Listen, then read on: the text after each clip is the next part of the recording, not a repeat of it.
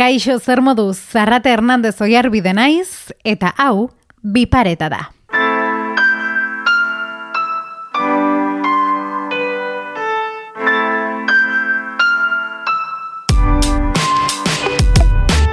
Sexua gaur egun indikan tabu izaten jarraitzen du. Orduan, edozein esti, edozein sexu bidez transmititzen den infekzio, antzematen da zehozer zikin eta bezala. Gibaren virusak ez du begiratzen zein infektatuko duen. Guapoa dan, edo guapa dan, edo mutila dan, edo neska dan, edo homoa dan, edo heteroa dan. Gaur biparetan, sexu transmisiozko infekzioa.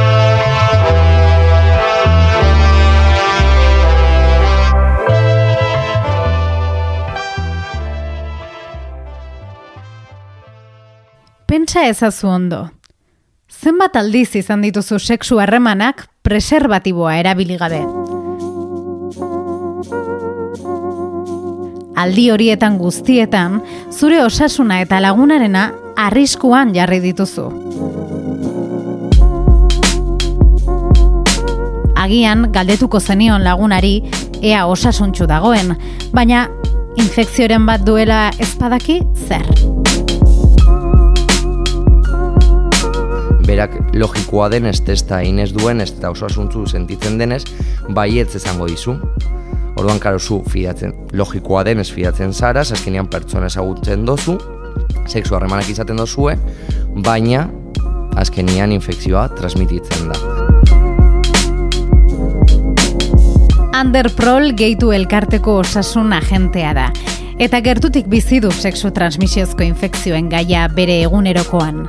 Proba lasterrak egiten, prebentzio lanetan, edo aholkularitza zein babes taldeen bidez.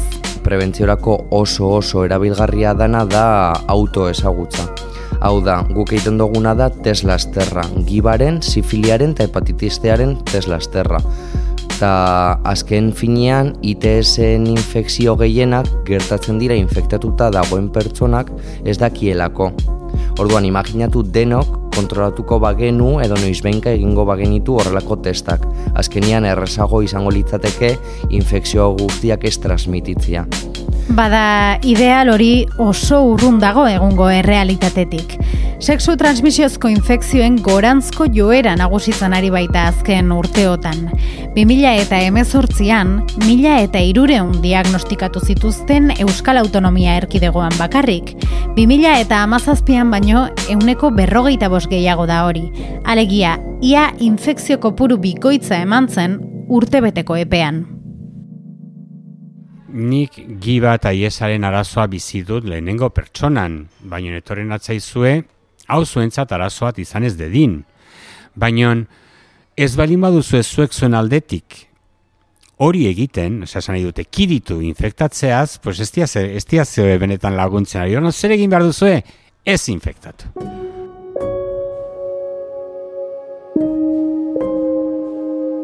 Joseba Errekalde iesaren aurkako arribeltza elkarteko presidentea da. Eta giza immunoeskasiaren virusak eragindako infekzioarekin bizi da. Gibarekin nain zuzen.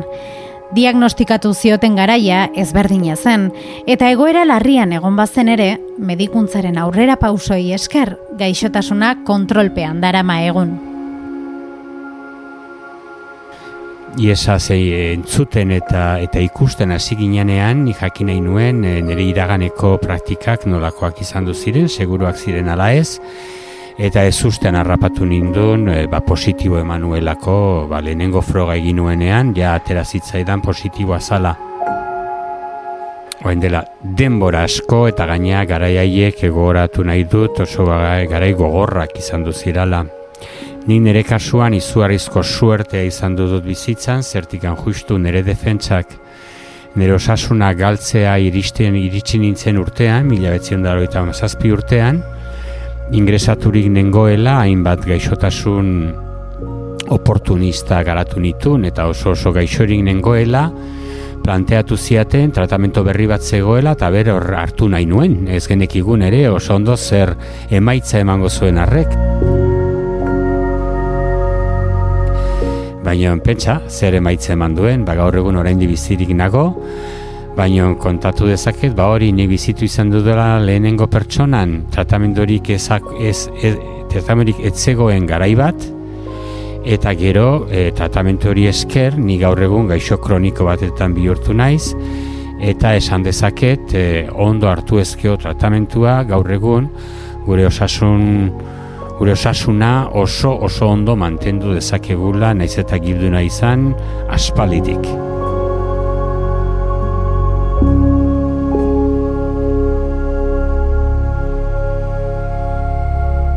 Horregatik da hain garrantzitsua pronostiko iztiarra egitea. Tratamendu egoki batek narriadura eten baitezake gaur egun. Hori, ez da beti ala izan. Guk e, gure hasieran, gure sorreran, gibari aurre egiteko medikaziorik etzegoen, derrigorrez e, gibak bere bere lana egiten zuenean gure korputzaren, gure defentsen baitan gabe geratzen ginen eta hile egiten ginen derrigorrez.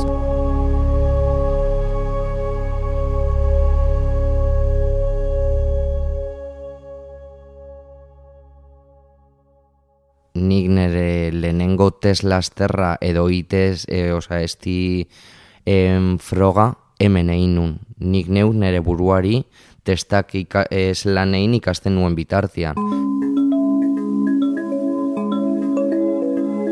Hau da, gehitura hurbildu nintzen arte, ez nitun horrelakoak egin, bale?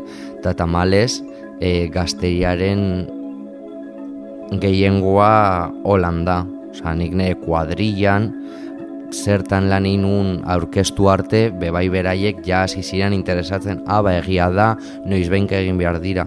Askotan esan dakoa, ez da nagiak garela edo e, ez dogula nahitia edo beldurra ematen digula, baizik eta informazio falta da. Jendiak dakienian zelako garrantzia dakan eda zelako prebentziorako errekurtzu ona den hau, ba, badator, badator urbiltzen da eta testak egiten ditu. Informazioa prebentziorako tresna eraginkorra da. Naiz eta oraindik borondate honeko jarrera bat izan eta gutxi batzuk egiten duten.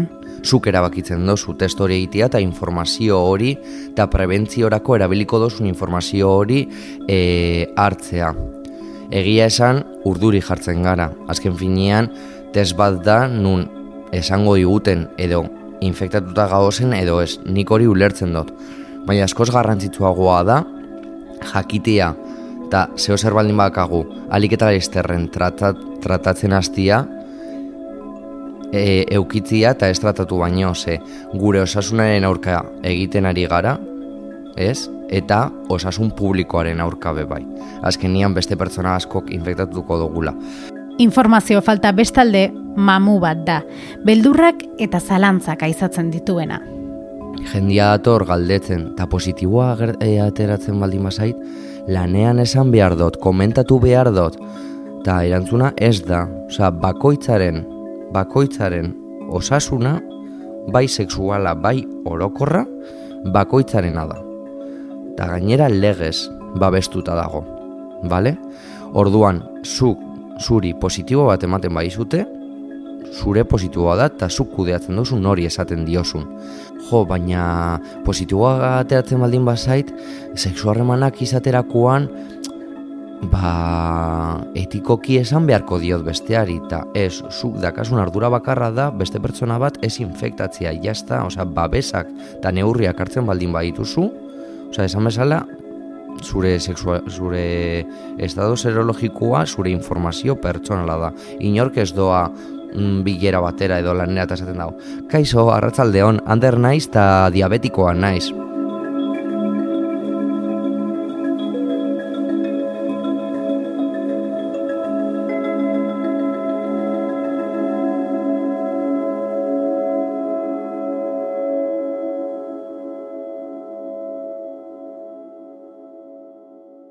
Infekzio katearekin amaitu egin behar da. Ez biderkatzean dago erronka.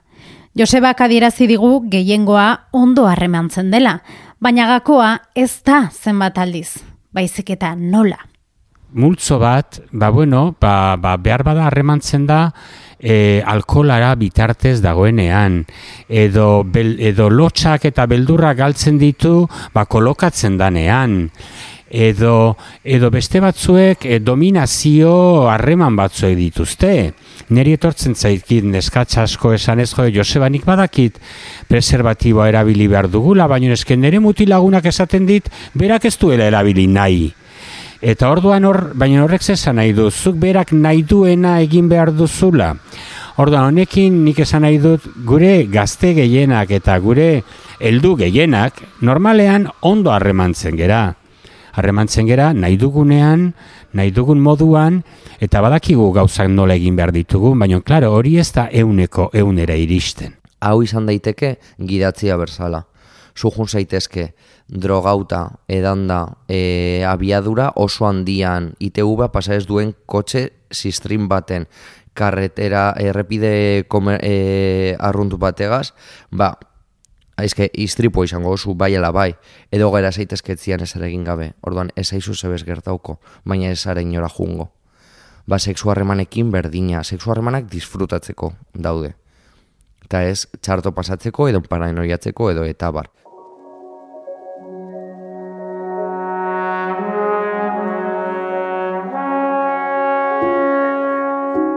Sexua ez da sarketa bakarrik ez, modu zabalago batean ulertu beharko genuke, eta disfrutatu ere bai noski. Sexu transmisiozko infekzioen prebentzio zein tratamendurako geroz eta baliabide gehiago dugu. Prep izeneko pilula esaterako. Edota hemendik aurrera, gibari aurre egiteko botika antirretrobiralak farmazietan ere salduko dituztela. Baina zer gertatzen da gizarte bezala ditugun sinesmenak aldatzen ezpadira?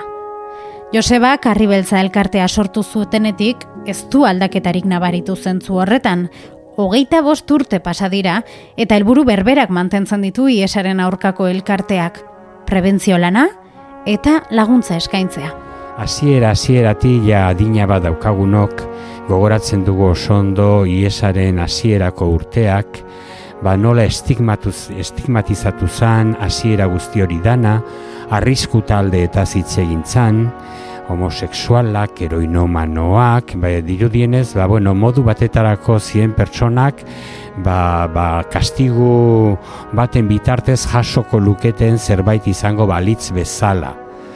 Naiz eta jakin iesaz ja ez dala jendea hiltzen, jendeak badaki nolazpaite oso tratamentu eraginkor batzuek sortu zirala iraganean, eta gaur egun, ba, banik ezagutzen de, talako norbait infektatuta dago, baina ez dakizu zeitxura ona daukan, eta bai, badaukagu nolazpaite jaso dugu informazio hori, iesaz ez gera hiltzen, gure gizartean bizi, bizitzerik badago, gibaz infektatuta ere, horrek esan nahi du baita ere, arrisku percepzioa asko jetxi dala, eh, beldurra galdu diogula, baino nolazpeite estigma ez diogu kendu. Eta ondorio, egunerokoan, hainbat eta hainbat diskriminazio jasan behar izaten dituzte.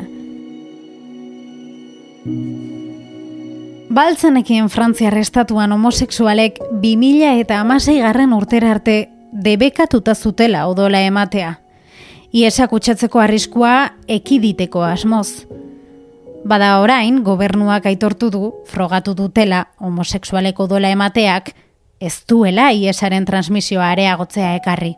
Hemen ere odole maile bezala, lehenik egiten zaituzten e, galdera kri, kribak eta galderoietakotan, ba, segituan esaten zaituzte, ba, homoseksual praktikak baldin badituzu, ba, ba, e, ez du ez, ez, ez dago kiola ondo dole mateari zertikan, bueno, eta ez bakarrik hori, bidaiatu baldin baduzu ez izen bat herri hepatitisaren bat izan baldin baduzu, pues hor daude, baina olako emaitzak e, tamales oraindik asko, asko jarraitzen dute.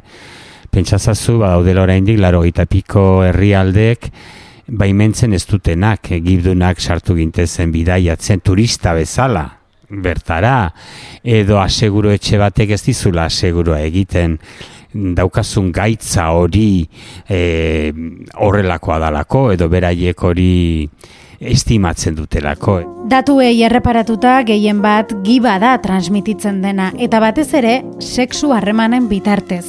Gainera, transmisio tasarik handienak gizonezkoen artean gertatzen dira, euneko laro gehia hain zuzen Eta horietatik gehiengoa, sexu harremanak gizonezkoekin dituzten gizonezkoen artean gertatzen dira. Zer ezkutatzen da datu horien atzean? LGTBI munduan giba duten pertsonek bi armairu apurtu behar dituzte, gibaren armairua eta LGTBI kolektibokoak izatia. Baina nor badago momento bat nun eta gibari iesa izateari beldurra galtzen zaion eta errespetua galtzen zaion azpaite. Neri iruditzen zait, ba zenbait harremane, harremanak eta oraindik gizonen artean ematen dien harremanak ez dirala erabat normaltasunean ematen behar bada batzuk asko behintzat izaten dira erdi klandestinoak eta hemen bai gero gero ez eta gero ez dakit nola orduan guzti horretanak eh, laguntza gutxi ematen dio sexu seguru praktikatzeari Honekin esan nahi dut, errekestu esan nahi gizonen arteko harremanetan bakarra ematen denik, baina adibidez prostituzioan ere gertatzen da. Os harremanak osasuntsuak ez diranean bi pertsonen artean, bi edo hiru edo lau edo auskalo zenbat, ez?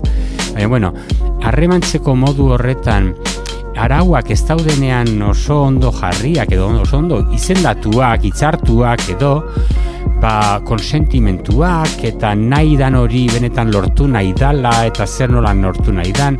Guztiari dan ez dagoenean ondo landua horrek ematen gaitu horre gondaitekela goruntza, goruntza bat ba infekzio horietan ez?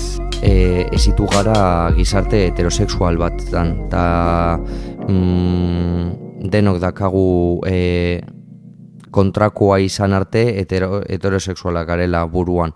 Horregaitik beste gizon batekin sexu harremanak e, eukitzerakoan e, basaia egiten zaigu. Ja, nahiko zaila da gure burua aitortzia ez, eta aurrera pausu hori emotia, benga nere desio ikaso ingo diet eta hau egingot, orduan e, burua ez da kasu, ez, zure buruan babestia. Hori bai, balantza geroz eta berdinduago dago, eta geroz eta altuagoa da sexu harreman heterosexualen ondorioz kutsatutakoen kopurua. Ez dezagun beraz, kolektibo bakarraren arazo gisa ikusi. Gibaren virusak ez du diskriminatzen, ez du inolako aurri iritzirik. Bera doa, usten zaion lekura. Bera sartzen da zuzenean, arrisku praktika batzuen bitartez baina guk denak zaku berean sartzen ditugu. Ezin aipatu gabe utzi ikerketen emaitzetan nabarmendu den beste kolektibo bat. Atzerritarrena alegia. 2000 eta emezortziko memorian topatuko dugu, infekzioen euneko berrogeita zazpia, beste lurralde batzuetako pertsonei dagokiela. Batez ere, Latinoamerika eta Afrikako pertsonei. Datu horien zergatiak aztertzea garrantzitsua bada ere, ez algara kolektibo hori baztertzen ari eta arrisku talde bezala etiketatzen. Naiko, naiko karga badaukate beraiek eta guandikan gure gizartea gehiago eta areagotzen baldin baditu horrelako kargak, karga besterik ez du suposatzen, horrekin ez diogu inorako laguntzarik ematen, gure osasun sistemari eta gure arteko infekzio berriei. Ez, alderantziz, orainik estigma areagotu egiten du motxilak haunditu, guandik karga gehiago motxiletan. Arrisku praktikak dira arazoa, izan hemengoa, ala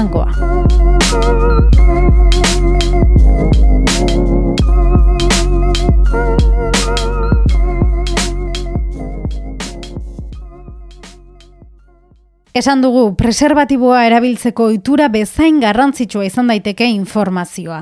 Az gaitezen sexualitatea normalizatzetik eta gure artean dagokion tokia eskaintzetik. Hezkuntza sistematik hasita. Transversalitatea oso ondo egon daiteke teorikoki, baina praktikan ikusten dugu, errepikatzen direla, bai e, diskriminazio mm, gauza berdinak eta bai ez jakitasun berdinak. Egia da geroz eta proiektu eta e, lanketa gehiago egitearekin ba, gauzak obera egin dutela, baina esan bezala garaia da e, sexu eziketa e, ikasgai bat e, eukitzea gure ikastetzeetan ezin daiteke ezik eta sexuala gizakiaren parte hain importante bat. Urtean bi orduko klase batetan bihurtu. E, generoaren asuntoak, e, homoseksualitatearen onarpenak, pues gauza hobedanak ezin daitezke e, limitatu ba, urtean hori bi ordutako klase batetara. Nik uste dut hau egon behar duela beste modu batetan e, kontemplatuta gure eziketaren barruan, zertik azken finean, gure gizakiaren eta izaeraren alderdi importante bat eta zari gera, eta hori emozional alde guztia, sexual alde guztia, ez bakarrian jakiteko nor gera, baina nola, nola arremandu nahi degun, zeintzuk diren arriskuak, eta ez beldurrak bakarri baizikan ondorioak, argi eta arbi jakin behar ditugu, eta gero bakoitzak erabaki dezala. Nik uste arlo horretan asko zere gehiago egin dezakeguna.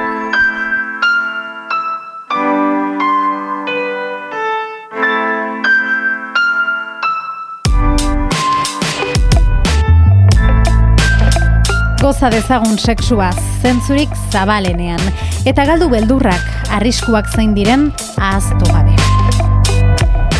Eskerrik asko Joseba Errekalde eta Ander Prol, sexu transmisiozko infekzioen gaia, zuen esperientzietatik kontatzeagatik. Ba, eskerrik asko, Joseba. Ez horregatik. Ander, eskerrik asko. Bale, zuei gombidatzea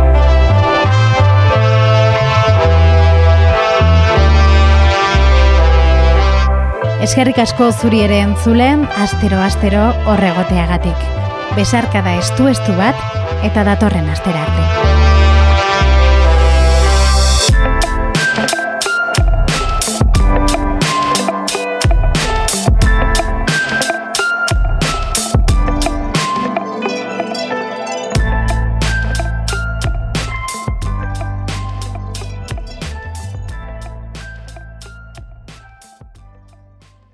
Edo zein audio plataformatan entzun dezakezu zuzeu podcast. Spotify, Apple Podcast, Stitcher, eta bestela sartu podcast.eus elbidera.